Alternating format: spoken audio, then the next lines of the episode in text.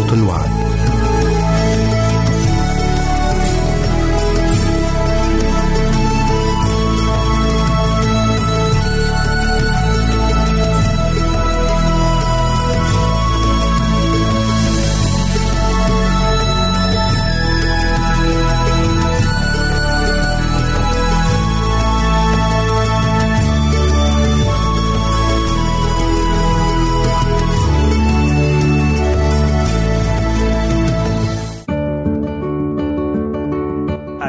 أعزائي المستمعين والمستمعات راديو صوت الوعد يتشرف باستقبال رسائلكم ومكالمتكم على الرقم التالي 00 961 76 ثمانية ثمانية ثمانية أربعة واحد تسعة. نشكركم ونتمنى التواصل معكم. والسلام علينا وعليكم.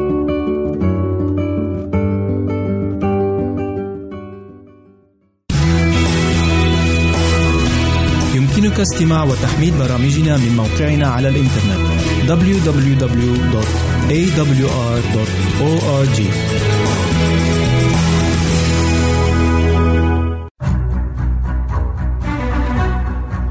أعزائي المستمعين والمستمعات تتشرف راديو صوت الوعد باستقبال أي مقترحات أو استفسارات عبر البريد الإلكتروني التالي راديو تي في مرة أخرى بالحروف المتقطعة R A D I O at A L شرطة W A A D نقطة تي في والسلام علينا وعليكم.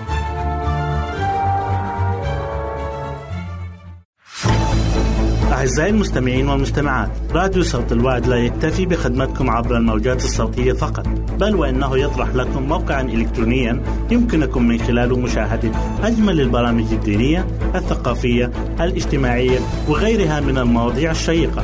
يمكنكم زيارة الموقع من خلال العنوان التالي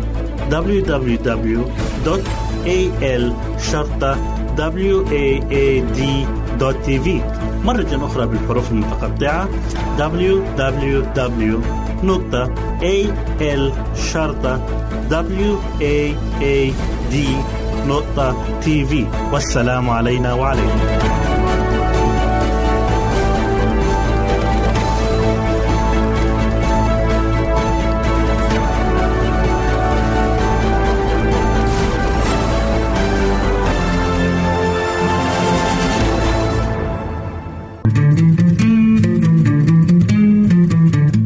أنتم تستمعون إلى إذاعة صوت الوعد.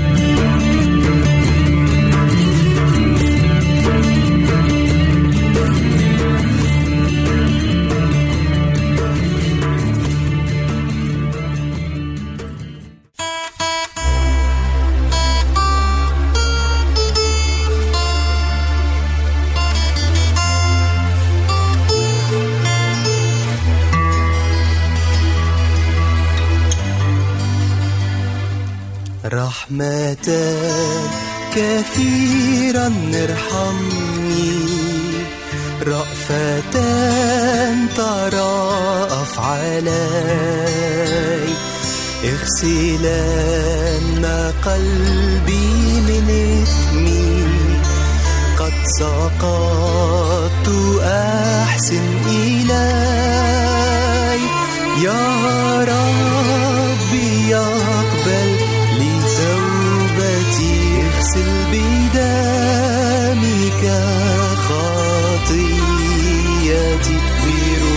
بروحك القدوس الجليل جدد لي عهد محبتي.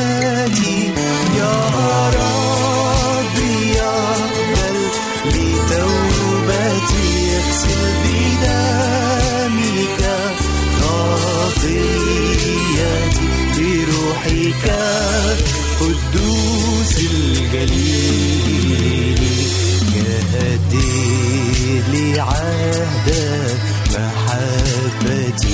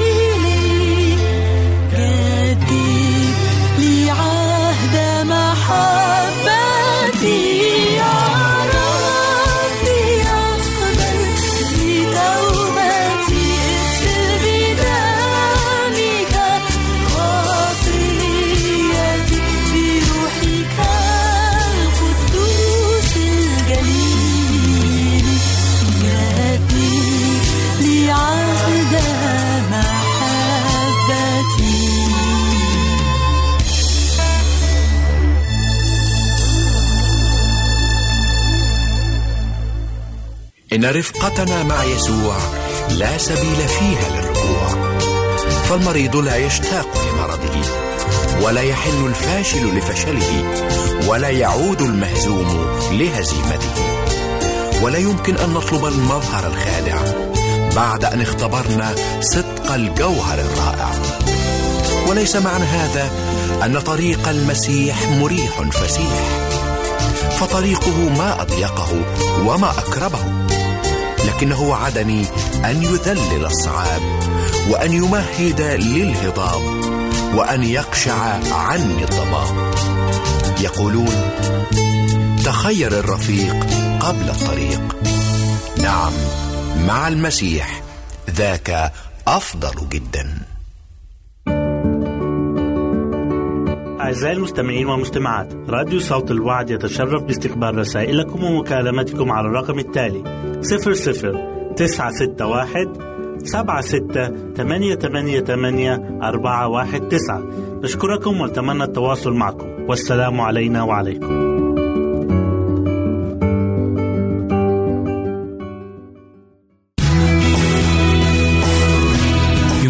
يمكنك استماع وتحميل برامجنا من موقعنا على الإنترنت www.awr.org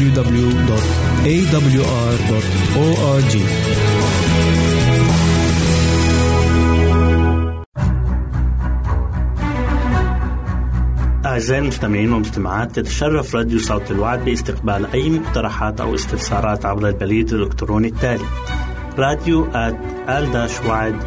في مرة أخرى بالحروف المتقطعة R A D I O at A L شرطة W A A D نقطة تي في والسلام علينا وعليكم. أهلا وسهلا بكم مستمعينا الكرام في كل مكان. يسعدني أن أقدم لكم برنامج السراج المنير. وحلقة اليوم سوف نتحدث فيها عن كيفية التعامل مع هموم الحياة ومشاكلها وعلاجها. أعزائي المستمعين أحيانا يعاني الكثيرين من قلق وخوف شديد لكنهم لا يعرفون مصدر هذا الخوف. يقول أحدهم أحيانا أشعر وكأن نبضات قلبي تتصارع بشدة حتى أنني لا أستطيع النوم. أشعر وكأن ثقل شديد موجود على صدري وأجد نفسي أفكر في موضوعات وأمور كثيرة. ويصاحب كل موضوع أو كل أمر مشاعر سلبية. حتى أنني لا أنام وأسهر كثيرا وأحيانا أشعر بخوف شديد لا أستطيع أن أجد مبرر له وأحيانا أخرى تنتابني نوبات من الخوف والقلق والاكتئاب هل يمكن أن تكون تلك الصورة هي حياتنا كأبناء لله؟ هل هذا هو الأفضل الذي جاء المسيح ليقدمه لنا؟ أتيت لتكون لهم حياة وليكون لهم أفضل. يقول الكتاب المقدس في المزمور 94 والآية 19: عند كثرة همومي في داخلي تعزياتك تلذذ نفسي. ويقول الحكيم سليمان في سفر الأمثال إصحاح 12 والآية 25: الغم في قلب الرجل يحنيه والكلمة الطيبة تفرحه. ليس هناك من خطأ أو عيب من منظور الكتاب المقدس في الإقرار الواقعي بمشاكل الحياة التي يمكن تحديدها والتعامل معها، بل أن تجاهل الخطر هو حمق وخطأ. لكن من الخطأ أيضا ومن غير الصحي أن نترك الهم المفرط يشل تفكيرنا وحركتنا أو حتى عملنا. يجب أن نسلم هذا الأمر بالصلاة إلى الله الذي يستطيع أن يحررنا من الخوف والتوتر الذي يشلنا حتى نتعامل بطريقة واقعية مع احتياجاتنا واحتياجات الآخرين وخيرنا وخيرهم. علمنا الرب يسوع المسيح في الموعظة على الجبل أن لا نحمل هم طعامنا وملبسنا وأمورنا المستقبلية، لأنه لدينا حسب قول المسيح أبا سماويا يعرف ما نحتاج إليه قبل أن نسأل. فيجب أن يكون لنا إيمان راسخ بقدرة الله على تتميم كل ما وعدنا به. فبدلا من التوتر يجب أن نحضر طلباتنا أمام الله، وهو الذي سيعطينا سلامه الذي يفوق كل عقل. قد تكون أسباب التوتر لدى البعض هي أخطاء قاموا بها، أو خطايا اقترفوها بحق أنفسهم أو بحق الآخرين، أو بحق الله، وهذا أمر محزن جدا. لكن فهمنا لمبدأ الله في التعامل معنا بحسب ما هو مكتوب في المزمور 103 والآيات من 8 ل 10 إذ يقول الرب رحيم ورؤوف طويل الروح وكثير الرحمة لا يحاكم إلى الأبد ولا يحقد إلى الدهر لم يصنع معنا حسب خطايانا ولم يجازنا حسب أثامنا.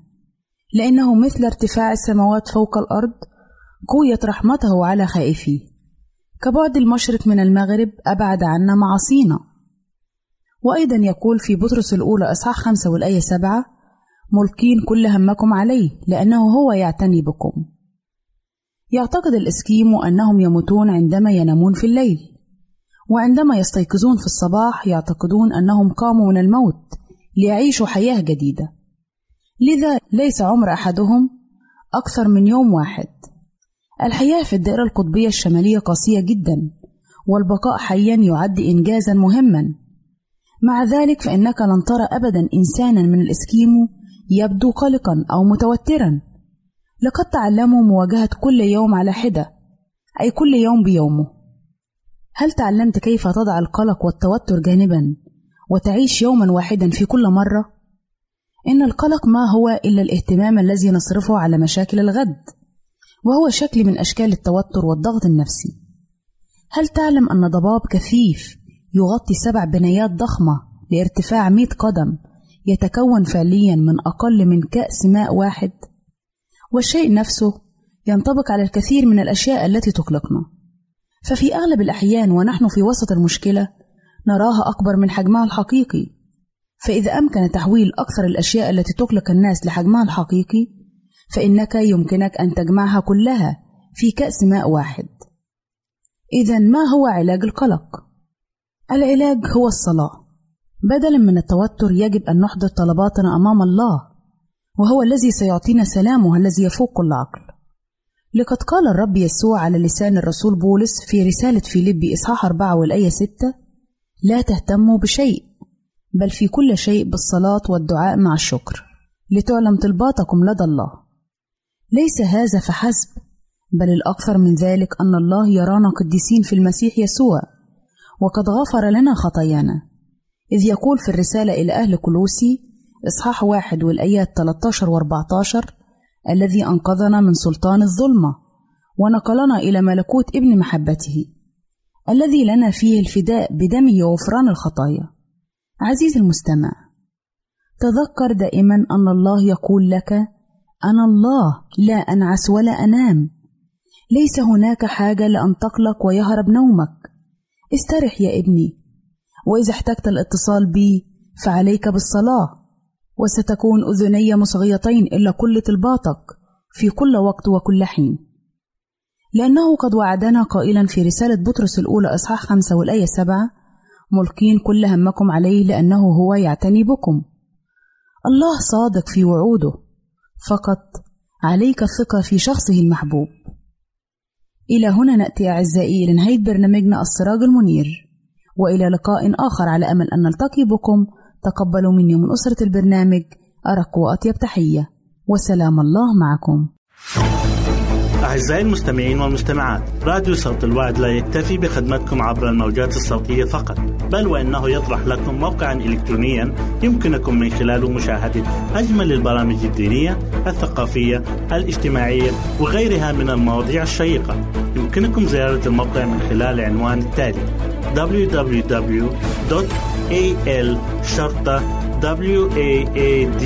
www.al-waad.tv مرة أخرى بالحروف المتقطعة. Www.al-waad.tv والسلام علينا وعليكم.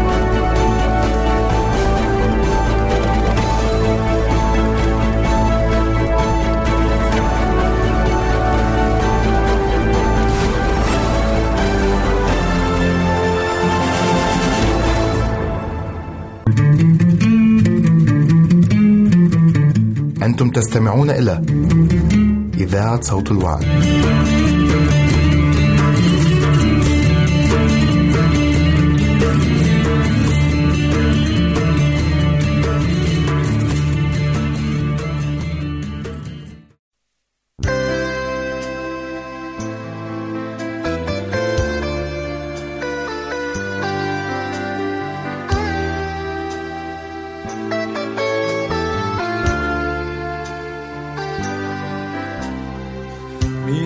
حبك أكتر من كل الناس. مين اللي ادالك الحياة والخلاص؟ مين اللي في حزنك هو حاسس بيك؟ اوعى تفكر إنه في يوم نسيك. مين اللي حبك أكتر من كل الناس؟ مين اللي ادالك الحياة والخلاص؟ مين اللي في حزنك هو حاسس بيك؟ اوعى تفكر إنه في يوم نسيك ده يسوع المسيح يشفي كل جريح ويديله حياة وأمان. بص لقلبه المفتوح بص لجنبه المجروح علشان عشانك كمان يسوع المسيح يشفي كل جريح ويديله حياة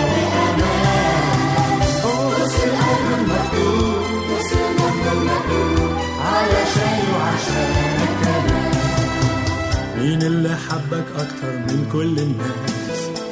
مين اللي ادالك الحياة والخلاص مين اللي في حزنك هو حاسس بيك؟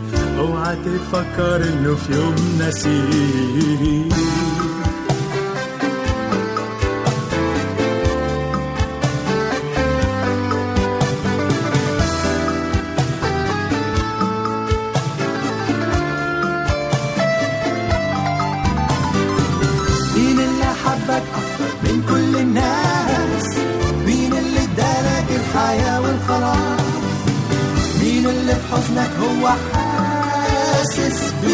اوعى تفكر انه يوم نسيك مش في كل جريح ويديله حياة وأمان. بص لقلبه المكسور بص لجنبه المجروح علشان عشانك ده يسوع المسيح. يشفي كل جريح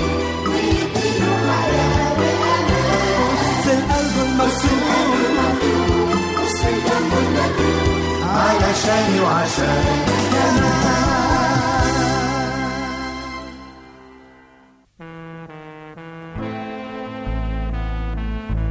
ترى هل فكرت في علامة الصليب؟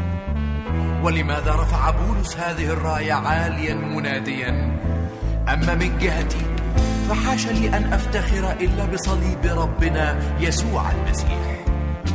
إن كل واحد فينا يا عزيزي هو باراباس ذلك المجرم الذي أخذ يسوع مكانه ومات بدلا عنه.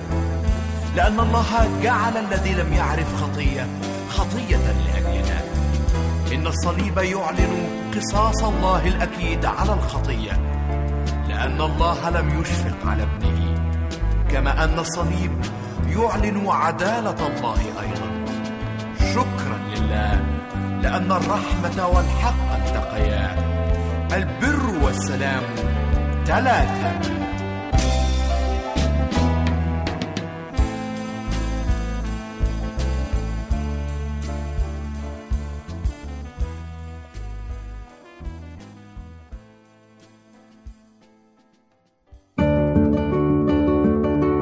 أعزائي المستمعين والمستمعات راديو صوت الوعد يتشرف باستقبال رسائلكم ومكالمتكم على الرقم التالي 00 961 سبعة ستة ثمانية ثمانية ثمانية أربعة واحد تسعة. نشكركم ونتمنى التواصل معكم. والسلام علينا وعليكم.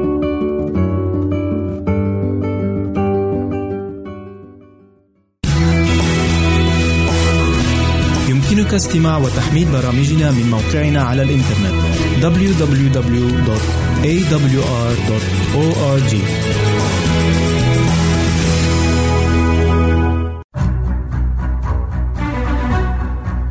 أعزائي المستمعين والمستمعات تتشرف راديو صوت الوعد باستقبال أي مقترحات أو استفسارات عبر البريد الإلكتروني التالي راديو تي في مرة أخرى بالحروف المتقطعة R A D I O at A L شرطة W A A D نقطة تي في والسلام علينا وعليكم.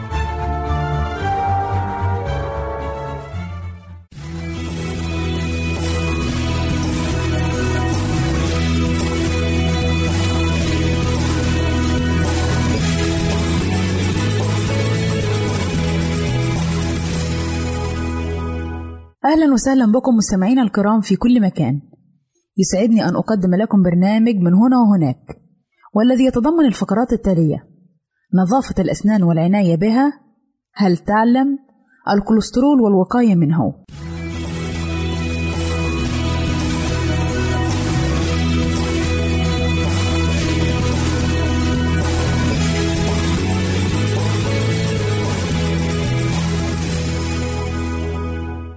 فقراتنا نتكلم فيها عن نظافة الأسنان والعناية بها. تعتبر الأسنان هي المسؤولة عن عملية تقطيع الطعام ثم دفعه للهضم، كما أنها تعطي للإنسان الابتسامة الجميلة، لذا لابد من المحافظة عليها صحيحة ونظيفة، لكي تستطيع القيام بمهامها على أكمل وجه. يجب غسل الأسنان يوميا في الصباح وفي المساء لمدة دقيقتين بعد تناول الطعام. مع استخدام المعجون لبقاء الفم برائحة منعشة. وينصح خبراء الأسنان باستخدام فرشاة أسنان ناعمة لكي لا تجرح أسنانك.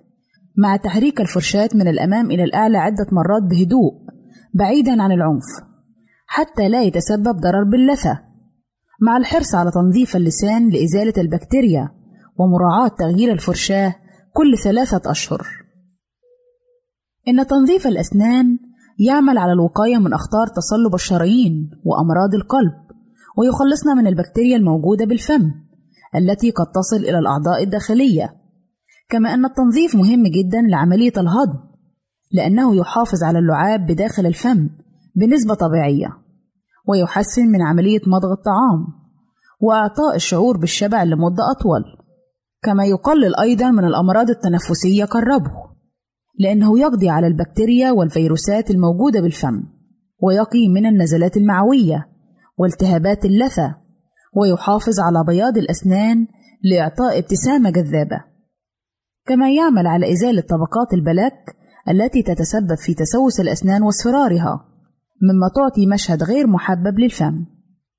إن عدم تنظيف الأسنان يؤدي إلى تكوين طبقة البلاك السنية التي تتسبب في التهاب اللثة بالإضافة إلى البكتيريا العدوانية التي يمكن أن تؤدي إلى مضاعفات للمرأة الحامل منها الإصابة بالسكتة الدماغية والفشل الكلوي والنزيف.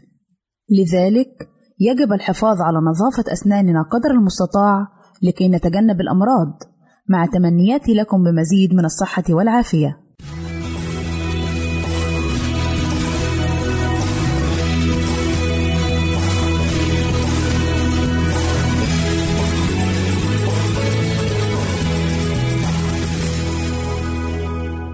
أهلا وسهلا بكم مجددا أعزائي المستمعين إليكم فقرتنا الثانية وهي بعنوان هل تعلم؟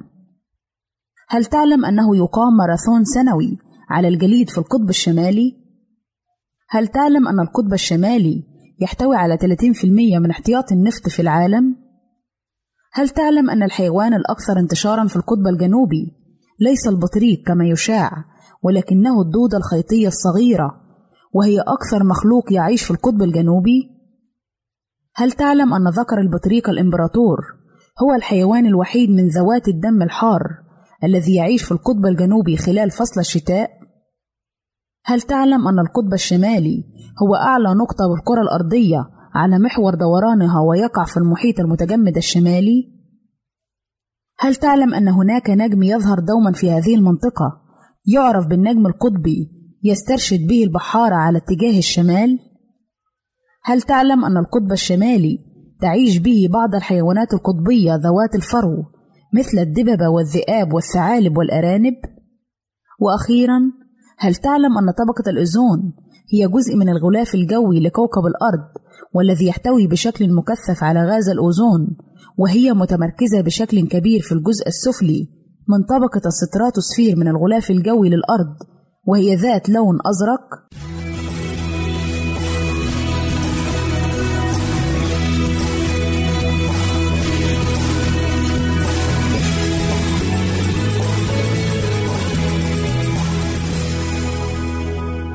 أهلا وسهلا بكم مجددا أعزائي المستمعين. إليكم فقرتنا الثالثة والأخيرة والتي نتكلم فيها عن الكوليسترول والوقاية منه. الكوليسترول هو مادة شمعية توجد في الدهون في الدم بينما يحتاج الجسم للكوليسترول لمواصلة بناء الخلايا السليمة. لكن ارتفاع نسبة الكوليسترول يمكن أن يزيد من خطر الإصابة بأمراض القلب. وعندما يكون هناك ارتفاع في نسبة الكوليسترول قد تتطور إلى رواسب دهنية في الأوعية الدموية مما تؤثر هذه الترسبات من صعوبة تدفق الدم الكافي عبر الشرايين. وقد لا يحصل القلب على كمية الدم الكافية الغنية بالأكسجين التي يحتاجها مما يزيد من خطر الإصابة بنوبة قلبية. كما يمكن أن يتسبب انخفاض تدفق الدم إلى الدماغ في حدوث سكتة دماغية. ويمكن أيضا أن يكون الكوليسترول المرتفع موروثا ولكنه غالبا ما يكون نتيجة لاختيارات نمط الحياة غير الصحية. وبالتالي يمكن الوقاية منه وعلاجه عن طريق اتباع نظام غذائي صحي. وممارسة التمارين الرياضية بانتظام. وأحيانا تناول الدواء لتقليل مستوى الكوليسترول المرتفع. وارتفاع الكوليسترول ليس له أعراض لكن اختبار الدم هو الطريقة الوحيدة للكشف عن ارتفاع نسبة الكوليسترول. اسأل الطبيب إذا كان يجب أن يجرى اختبار الكوليسترول. لذلك يجب أعزائي التوقف عن السلوكيات غير الصحية مثل التدخين وشرب الكثير من الكحول وعدم تناول الطعام الغير صحي والحصول على الكثير من التمارين الرياضية. إلى هنا نأتي أعزائي إلى نهاية برنامجنا من هنا وهناك. نسعد بتلقي آرائكم ومقترحاتكم وتعليقاتكم وإلى لقاء آخر على أمل أن نلتقي بكم. تقبلوا مني ومن أسرة البرنامج أرق وأطيب تحية. وسلام الله معكم.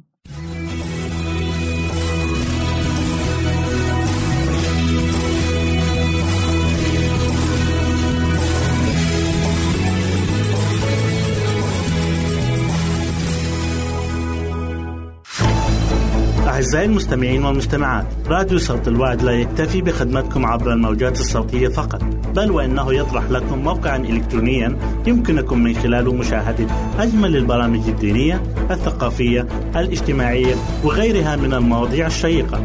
يمكنكم زيارة الموقع من خلال العنوان التالي www.al-waad.tv مرة أخرى بالحروف المتقطعة www.al-waad.tv والسلام علينا وعليكم.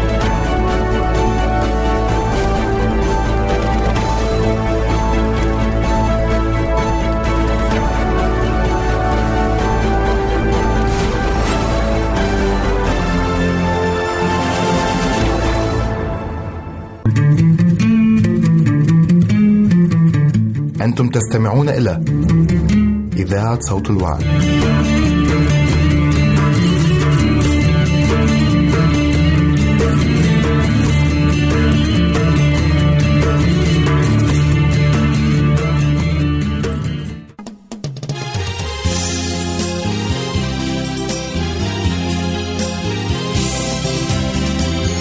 هل جلست بهدوء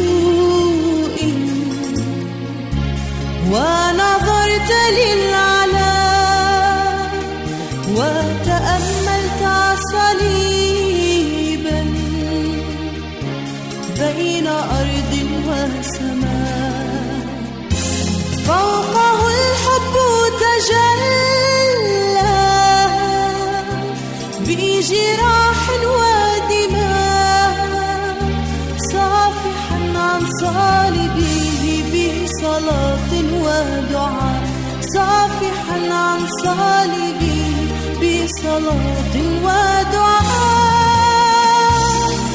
يزيح الجبال ينادي تعالى بصوت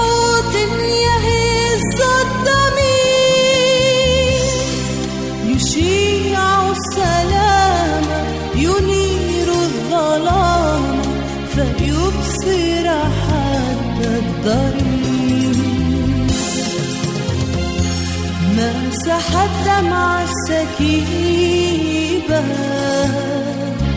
من عيون البسطاء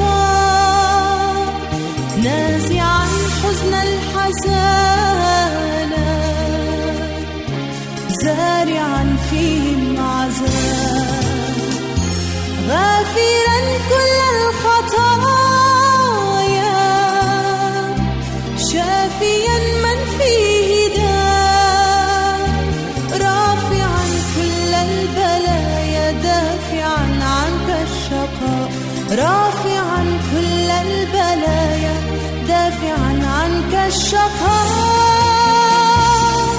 يزيح الجبال ينادي تعالى بصوت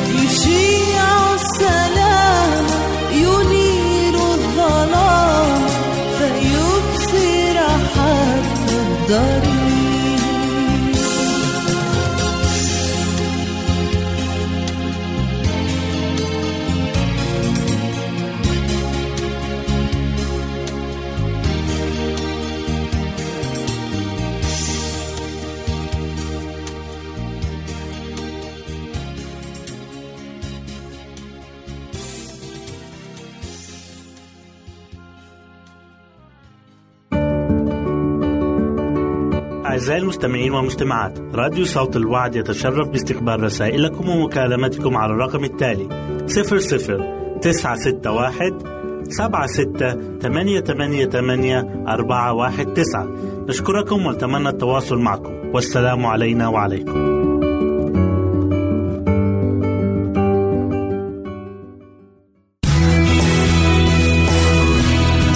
يمكنك استماع وتحميل برامجنا من موقعنا على الإنترنت www.awr.org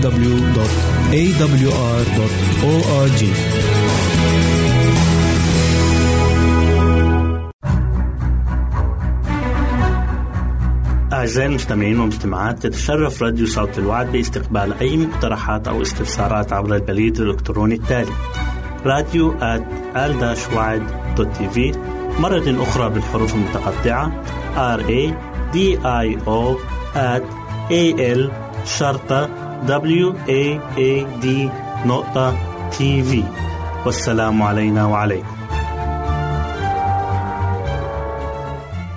أهلا وسهلا بكم أحبائي المستمعين والمستمعات في حلقة جديدة من برنامجكم معجزات السيد المسيح. معجزة اليوم أحبائي عن شفاة امرأة منحنية. والقراءة المقدسة اليوم مأخوذة من إنجيل لوقا والإصحاح ال 13 والعدد 10 ل 13 وكان يعلم في أحد المجامع في السبت وإذ امرأة كان بها روح ضعف ثمانية عشر سنة وكانت منحنية ولم تقدر أن تنتصب البتة.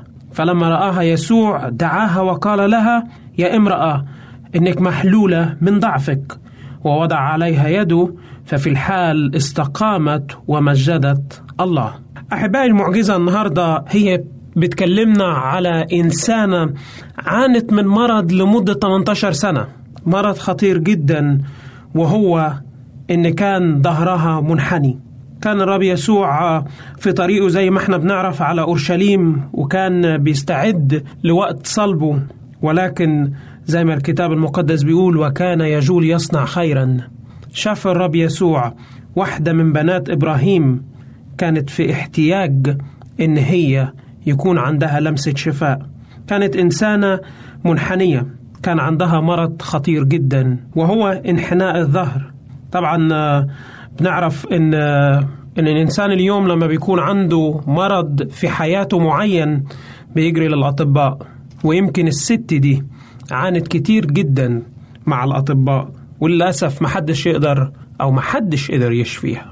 كان المسيح هو الأمل الوحيد للجنس البشري لما كان موجود لأنه بالفعل أصبح غنم بلا رعية. أصبحوا أشخاص تائهين في بحر الخطية. وجه الرب يسوع علشان يغير كل الموضوع ده. بنشوف إن كانت المعجزة دي حصلت في يوم السبت. وجات المرأة دي وكان عندها روح ضعف أو إن هي كان عندها مرض خطير جدا لمدة 18 سنة كانت منحنية. ما بتقدرش إن هي تقف. تعرفوا يمكن هي دي نفس الحاجة اللي بيعملها الشيطان مع المؤمنين النهاردة إن بيخلي عندهم ضعف أو انحناء في حياتهم.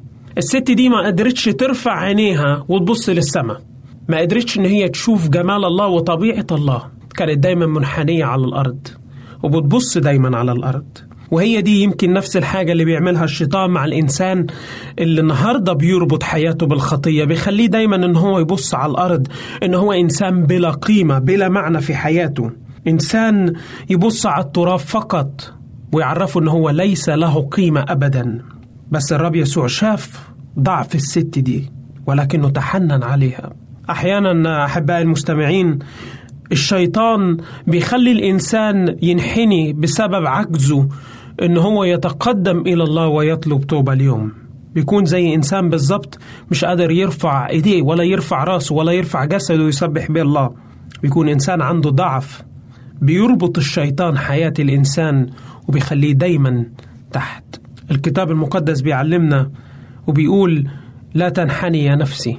دايما لازم نتذكر إن الله بيجي علشان يرفعنا. الكتاب المقدس بيقول لا تشمتي في عدوتي فإن سقطت وأقوم فأقوم وإن جلست في الظلمة يكون لي الرب نور.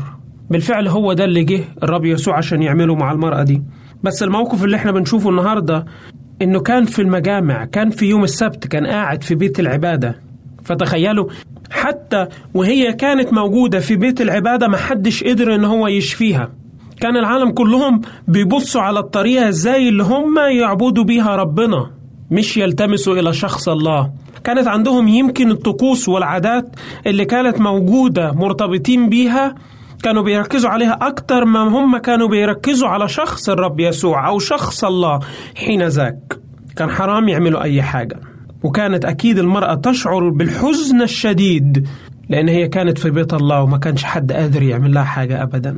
ولكن لما جه الرب يسوع الكتاب المقدس بيقول فلما رآها يسوع دعاها. الله اليوم بيدعي كل إنسان فينا. بيدعي كل إنسان الخطية بتخليه منحني. بيدعي كل إنسان النهاردة الشيطان رابط حياته. بيدعي كل إنسان النهاردة الخطية رابطة حياته ومش قادرة تخليه إن هو يقف مرة تانية ومخلياه يسقط في بحر الخطية وفي بحر الظلمة.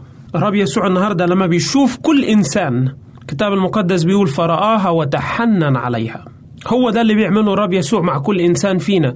بيشوفنا وبيدعو كل إنسان يجيله. علشان كده الكتاب المقدس بيقول تعالوا إلي يا جميع المتعبين وثقيل الأحمال وأنا أروحكم شخص الرب يسوع بيدعو كل إنسان النهاردة إن هو يجي والله يريحه من كل الأتعاب اللي موجودة من كل الأثقام اللي موجودة من كل الخطية اللي ربط حياته النهاردة ومخلياه مش قادر يرفع عينه للسماء. فلما رآها يسوع دعاها وقال لها الله اليوم إداها الحرية إداها النصرة قال لها أنت محلولة من ضعفك قال لها أنت النهاردة حياتك هتبقى حياة جديدة لأن إن حرركم الإبن فبالحقيقة أنتم أحرار. لما الرب يسوع جه بالفعل أعتقنا من عبودية الخطية أعتقنا من الشر أعتقنا من الطبيعة الفاسدة وادانا طبيعة جديدة. الرب يسوع لمسها واداها حياة جديدة اداها أمل جديد. وهو ده اللي الله بيعمله مع كل إنسان النهاردة. مهما كانت الخطية ربط حياتنا مهما كان في مشاكل موجودة في حياتك. الكتاب المقدس بيقول إن الله لما بيشوف حياة كل إنسان فينا بيقول أنا إذ واقف على الباب وأقرع إن سمع أحد صوتي أدخل وأتعشى معه. بالفعل الله هذا بيدعي كل إنسان فينا إن إحنا نفتح له قلوبنا ونفتح له حياتنا ونطلب من الله إن هو يدخل ويكون إله ورب في حياتنا. حلها الرب يسوع من كل مرض فيها وكل ضعف موجود فيها. والشيء الجميل جدا إن بيقول ووضع عليها يده وفي الحال استقامت ومجدت الله. مش بس أن الله أعطاها شفاء اليوم الله أعطاها لمسة روحية زي ما أعطاها لمسة جسدية. استقامت وقفت رجعت لوضعها الطبيعي. بعد 18 سنة بالألم ويمكن صرفت فلوس كتيرة على الأطباء ويمكن كانت منبوذة من المجتمع علشان حالتها الجسدية كانت ضعيفة أو حالتها الجسدية كانت صعبة جدا. وخاصة الأشخاص اللي بيعانوا من أمراض مزمنة يمكن النهاردة بنقول بيكونوا سخرية المجتمع. فتخيلوا معايا إنسانة كانت 18 سنة مربوطة بيها روح ضعف. جرب يسوع. وأعطاها الحرية. خلاها تقف مرة تانية. الكتاب المقدس بيقول ومجدت الله. حلو جدا إن الإنسان علاقته بالله تبقى علاقة دائمة مش علاقة مصالح. علاقته تبقى علاقة دائمة. يعني الإنسان النهاردة يروح لله ويتقبل الله ويقبل الله دائما كفادي ومخلص شخصي في حياته. مش اللي الإنسان بس يروح لله من أجل المعجزات لا. ومجادة الله. ما أجمل وما أعظم كلمات الأنغام اللي الكتاب المقدس بيقولها. إن إنسانة خرجت من فمها التسبيح صوت تسبيح وأغاني وعظمة ومجد لله اللي لمس حياتها. بالفعل ما أعظم أن يشكر المرء الرب. ما أعظم أن الإنسان دائما يتذكر اسم الله القدوس ويعبد الله بأمانة وينال الشكر منه. بالفعل وما زال البسطاء مثل هذه المرأة يفرحون بأعمال الرحمة. ولكن في فرق كبير جدا. لما الرب يسوع يحط إيده على حياة الإنسان تتغير كاملة. وبعد كده لسانه بيكون ممتلئ بالتسبيح. أحبائي المستمعين مهما كانت أو مهما كان عمل الشيطان قويا وقاسي في حياتك اليوم الرب يسوع يقدر إن هو يزيل كل انحناء وكل ضعف موجود في حياتنا. بلمسة واحدة من إيده بل بكلمة واحدة من فمه المبارك نقدر النهاردة إن إحنا نتمتع بحرية. هي دي الحرية اللي بيعطيها بس الرب يسوع لكل إنسان يعطيه المجد. الحرية بالفعل اللي العالم النهاردة فشل أن يعطيها. مهما كثرت عطايا الله وخيرات الله يعطيها لكل إنسان. يطلب بركة الرب اليوم. بالفعل الرب اللي شفى المرأة المنحنية ومنحها شفاء تام هو بيناديك النهاردة وإن أنت تجعله كإله ومخلص شخصي لحياتك. فحياتك النهاردة سوف تكون مليئة بالمعجزات التي تتوقع حدوثها أبدا. أحبائي المستمعين والمستمعات سعدت بوجودي معكم. سلام الرب لجميعكم وإلى اللقاء.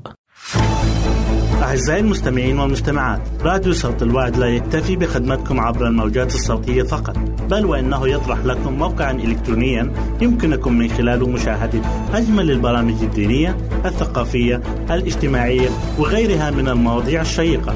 يمكنكم زيارة الموقع من خلال العنوان التالي www.al-waad.tv مرة أخرى بالحروف المتقطعة www.al-waad.tv والسلام علينا وعليكم.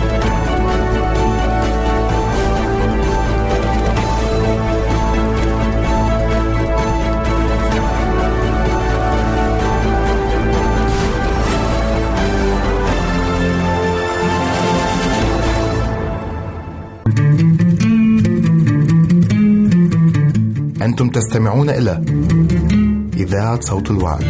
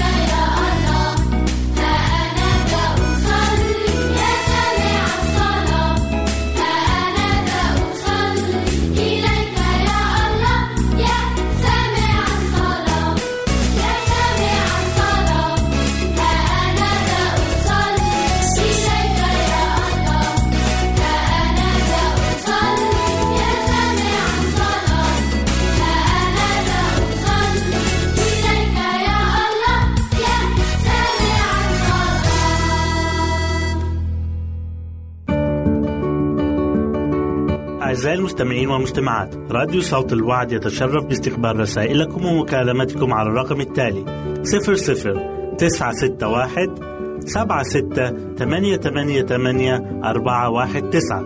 نشكركم ونتمنى التواصل معكم. والسلام علينا وعليكم.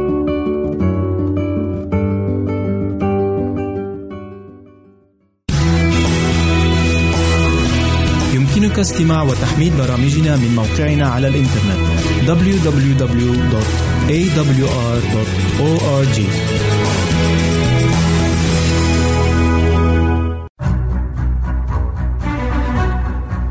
أعزائي المستمعين والمستمعات تتشرف راديو صوت الوعد باستقبال أي مقترحات أو استفسارات عبر البريد الإلكتروني التالي راديو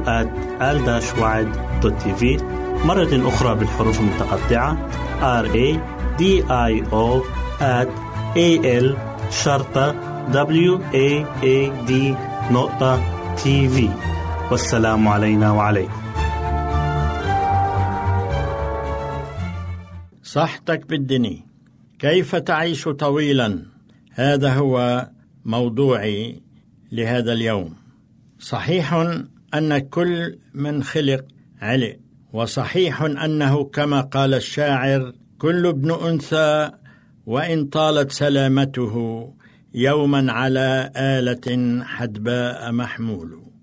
هذا يعني أننا سنموت ولكن مع ذلك عندما نهتم بصحتنا فسيختلف الموضوع وسنعرف كيف تكون حياتنا الصحية؟ أسعد. نعم إننا نستطيع أن نعيش حياة أطول إذا أردنا ذلك. والأمر متوقف على كل واحد منا وعلى الموقف الذي نتخذه من الحياة. ليست الحياة صدفة إنما طولها وقصرها يأتي نتيجة للحياة الصحية التي نحياها. وقد لا يكون طول الحياة وقصرها هو المهم ولكن المهم هو كيف عشت هذه الحياة.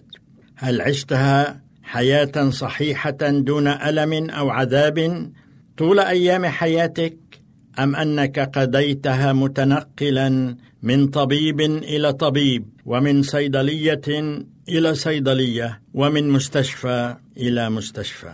الفرق بين العيش والحياة. كثيرون من الناس وجدوا في هذه الحياة فيتذمرون ويئنون فهم يعيشون فقط ولا يحيون.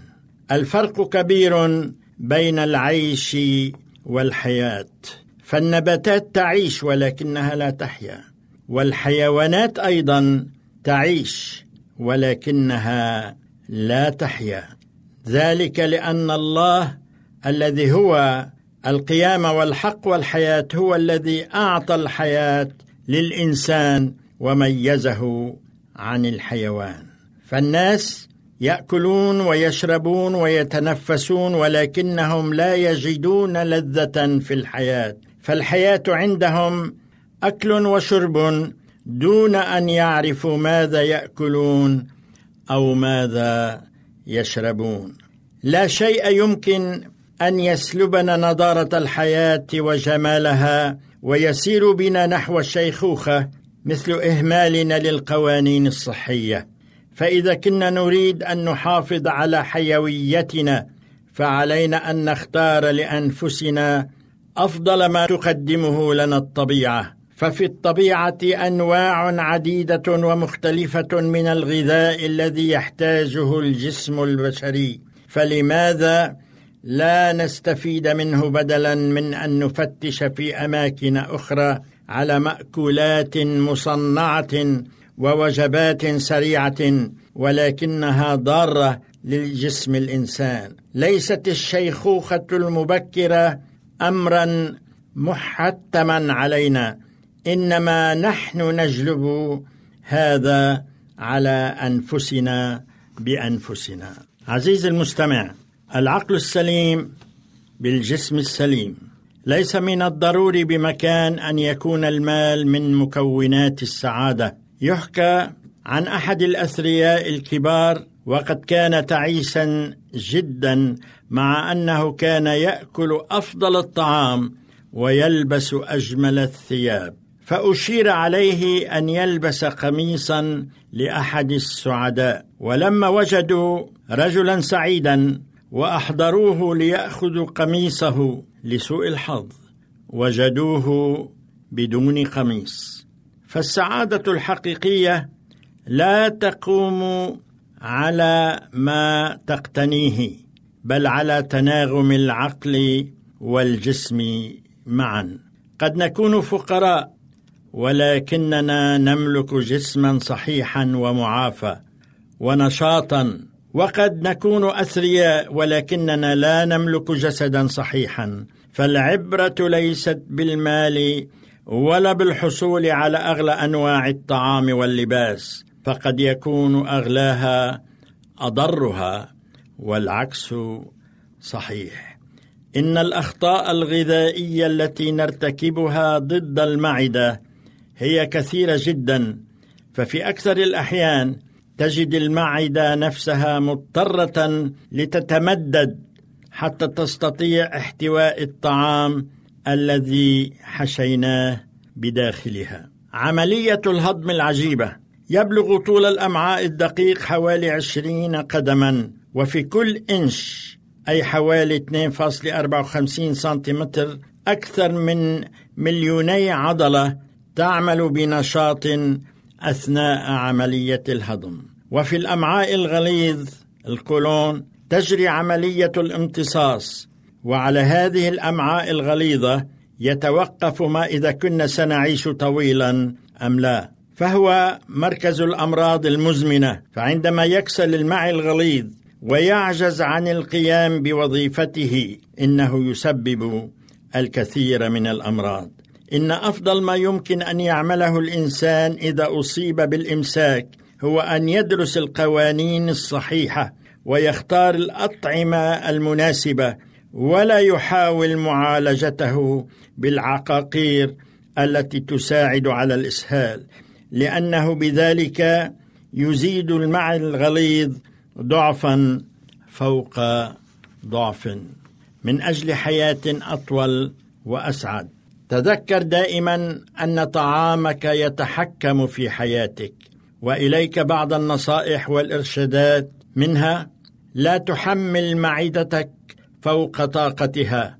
ابتعد عن الأطعمة المكررة كالطحين الأبيض والسكر الأبيض والأرز المقشور فهذه المواد لا تفيد الجسم بل تضعفه وليكن طعامك في أوقات منتظمة وعند تناول الطعام ينبغي الابتعاد عن كل ما يؤثر على الأعصاب لأن ذلك يزيد من ارتفاع ضغط الدم ويحول دون امتصاص الجسم للمواد المغذية في الطعام. أيضا تجنب المنبهات لأنها تؤثر على جهازك العصبي وإلى جانب هذا يجب أن تنعم براحة العقل والجسم ذلك لأن الراحة والنوم ضروريان للجسم كالطعام. أيضا لا تحمل مشاكلك معك إلى الفراش بل إلق همك على الله وهو يهتم بها فترتاح وتجد السلام والفرح وتحيا حياة أفضل ذات قيمة وفائدة. كان معكم شحاد الحلبي. أعزائي المستمعين والمستمعات راديو صوت الوعد لا يكتفي بخدمتكم عبر الموجات الصوتية فقط بل وإنه يطرح لكم موقعا إلكترونيا يمكنكم من خلاله مشاهدة أجمل البرامج الدينية الثقافية الاجتماعية وغيرها من المواضيع الشيقة. يمكنكم زيارة الموقع من خلال العنوان التالي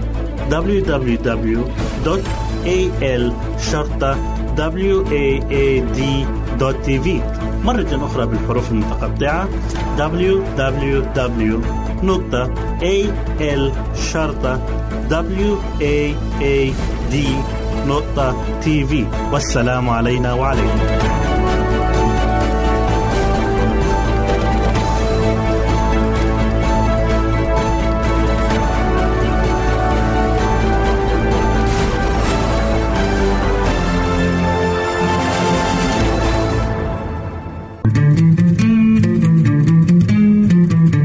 أنتم تستمعون إلى إذاعة صوت الوعد.